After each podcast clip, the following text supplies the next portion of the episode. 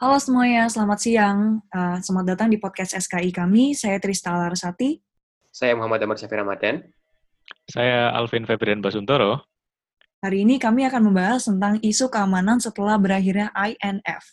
Nah, INF itu apa sih? INF itu uh, memiliki kepanjangan Intermediate Range Nuclear Force, senjata nuklir jarak menengah. Uh, ini treaty yang disepakati oleh AS dan Uni Soviet tahun 87 oleh Ronald Reagan dan Mikhail Gorbachev. Nah, kontennya adalah tentang larangan menguji, membuat, memperbanyak, memiliki, menggunakan senjata nuklir berbasis darat dengan jarak 500 hingga 5.000 km. Penghentian operasional seluruh senjata nuklir dengan kategori yang sudah disebutkan hingga batas waktu pada Juni 1991, sehingga kedua negara menghancurkan sebagian senjata nuklirnya yang berjumlah 2.692. Ini kayak penting banget nih kesepakatannya. Apa sih akibatnya kalau berakhir?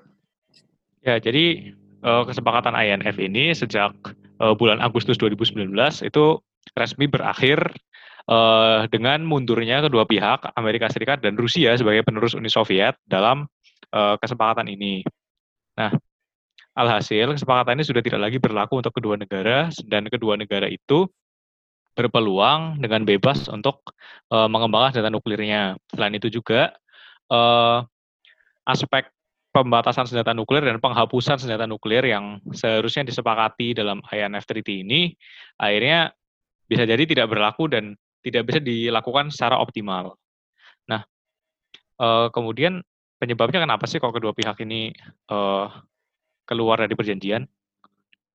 Penyebab berakhirnya INF ini dapat dikaitkan pada tiga faktor. Yang pertama, tuduhan dari masing-masing pihak terhadap pelanggaran dari pihak lainnya. Amerika menuduh Rusia mengembangkan dan mendeploy misil 9M729 Relief yang memiliki jarak jangkauan di atas 500 km. Dan Rusia pun menuduh AS menempatkan misil jelajah melalui pembangunan fasilitas Aegis Ashore di beberapa negara Eropa Timur yang dianggap juga bisa menyimpan misil selain untuk fungsi anti balistik. Keengganan dan penolakan dari masing-masing pihak untuk melakukan verifikasi kian menambah sulitnya enforcement dari INF. Kedua, ya ini fakta bahwa negara-negara lain di luar AS dan Rusia tidak terikat oleh INF dan bebas untuk mengembangkan dan memiliki misil jarak menengah. Sebagai contoh, Iran mengembangkan misil Shahab-3 dan Khorramshahr yang memiliki jarak yang dilarang oleh INF. India punya Agni, Israel punya Jericho. Dan terutama ancaman muncul terutama dari misil-misil serial Dongfeng buatan Cina yang ikut mengancam markas-markas militer AS yang berada di Pasifik dan berpotensi digunakan sebagai misil balistik anti kapal yang bisa menghancurkan kapal induk AS dari mainland Cina. Faktor ketiga, dan cukup berkaitan dengan faktor kedua adalah bagaimana AS pada akhirnya merasa jika mereka mulai tertinggal dalam teknologi ini. Sebelumnya, di era Perang Dingin dan sebelum INF berlaku, AS memiliki BGM-109 Griffon, sebuah ground launch cruise missile yang diangkut oleh truk dan mampu meluncurkan versi darat dari Tomahawk. Setelah ratifikasi INF, misil Griffon ini dihancurkan dan AS tidak lagi memiliki kapabilitas untuk mengcounter kapabilitas negara lain yang tidak terikat. Dan dengan meningkatnya kuantitas dan serta kapabilitas Angkatan Laut Cina, penempatan pasukan AS di kawasan kawasan Asia Pasifik menjadi rawan dan sangat membutuhkan sesuatu sebagai deterrence. Uh, kemudian apakah sebenarnya setelah itu tuh bagaimana sih isu pengunduran kedua negara daerah ini berdampak pada kondisi geopolitik dan keamanan internasional? Nah, ini kan bahaya banget nih ya. Uh, kita tuh memakai pandangan real, neorealisme di mana negara itu pasti akan berusaha untuk meningkatkan sektor keamanannya jadi Rusia sama AS akan melakukan tindakan yang sama juga. Nah, apalagi hubungan antara Rusia sama US ini belakangan lagi kurang baik kan, apalagi kayak ada pertentangan di Crimea, Suriah, dan sebagainya. Uh, eh, AS juga mundur bareng dengan Rusia, sehingga mereka berpeluang untuk mengembangkan senjata nuklir yang lebih baru dengan kemampuan yang lebih canggih. Nah, beberapa isu keamanan yang mungkin muncul itu uh, adalah Rusia yang dia tuh mengembangkan rudal jelajah atau cruise missile 9M729 Relief uh, yang mampu menjangkau jarak 5.500 km. Nah, rudal itu diluncurkan dari darat dan dapat diisi dengan hulu ledak nuklir. Uh, selain dari itu, kayaknya masih banyak deh dampak yang lainnya. Bagaimana dari, dari soal mengenai Cina? Ya, jadi uh, Cina sebagai negara yang tidak menandatangani INF Treaty ini uh, memiliki peluang untuk dimanfaatkan Rusia sebagai uh, pion. Maksudnya di sini adalah Rusia dapat memanfaatkan uh, kemampuan Cina untuk membentuk rudal-rudal uh, yang uh, memiliki kapabilitas sesuai dengan INF guna uh, meningkatkan keamanan dari Rusia itu juga.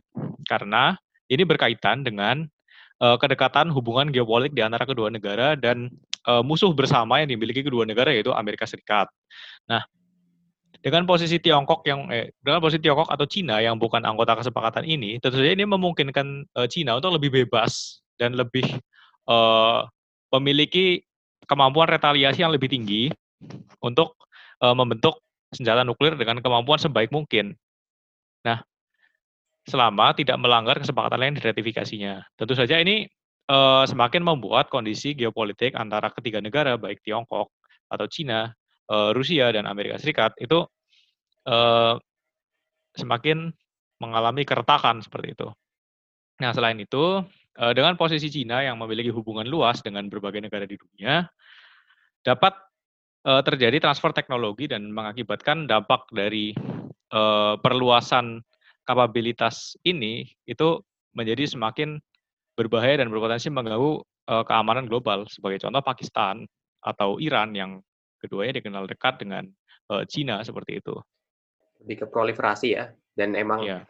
dengan tidak berlakunya lagi INF ini, maka membuka peluang baru untuk adanya perlombaan senjata. Sebagai contoh, baru 16 hari setelah menarik diri di INF, AS langsung melakukan testing terhadap BGM-109 Tomahawk Land Attack Missile yang diluncurkan lewat Mark 41 Vertical Launch System yang digunakan di kapal perang AS dan sistem Aegis Ashore di Romania dan Romania dan Polandia.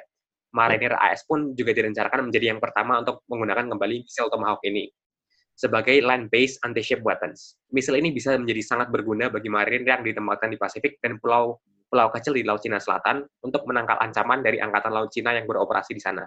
Tidak hanya itu, dengan hilangnya INF, maka tidak lagi kerangka kerja yang membatasi perkembangan misil balistik dan hipersonik dari kedua negara.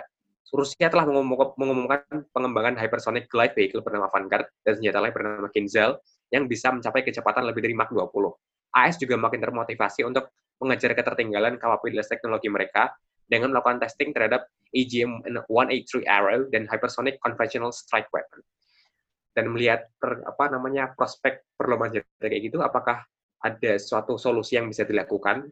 Bahaya banget nih sebenarnya kalau uh, ini berakhir gue nggak tahu nih sebenarnya solusinya kayak apa. Soalnya kalau yang gue tahu pembentukan perjanjian baru itu dibutuhkan mengenai pengembangan rudal balistik jarak menengah dengan melibatkan seluruh negara yang memiliki kapabilitas nuklir sebagaimana yang tercantum di dalam kesepakatan INF.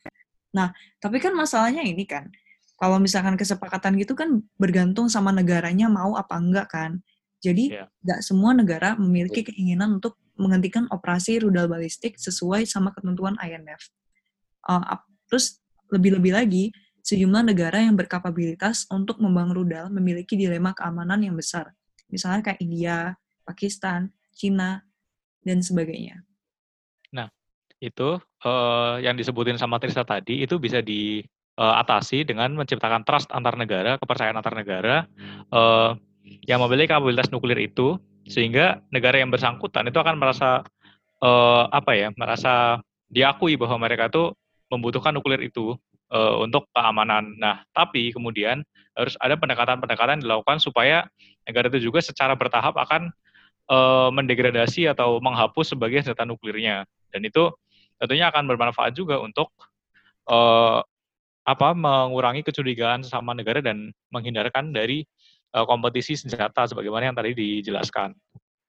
Nah, yang dapat kita simpulkan dari podcast ini adalah bahwa mundurnya kedua negara dalam kesepakatan INF itu menimbulkan sejumlah isu, terutama uh, terkait dengan keamanan internasional seperti pengembangan rudal jarak menengah dan sebagainya. Apalagi kedua negara hingga kini gencar melakukan pengujian rudal hypersonic. Nah, solusinya uh, telah disebutkan di sebelumnya, tapi intinya adalah perlu diadakan kembali pembicaraan dan negosiasi lebih lanjut untuk um, membentuk perjanjian baru untuk mengurangi pengembangan dan penggunaan senjata yang tercantum dalam perjanjian INF guna menghindari risiko retaliasi senjata yang lebih besar. Ya, cukup sekian dari kami. Dan proliferasi senjata. Ya. Nah, cukup sekian dari kami. Uh, mendengarkan. Terima kasih.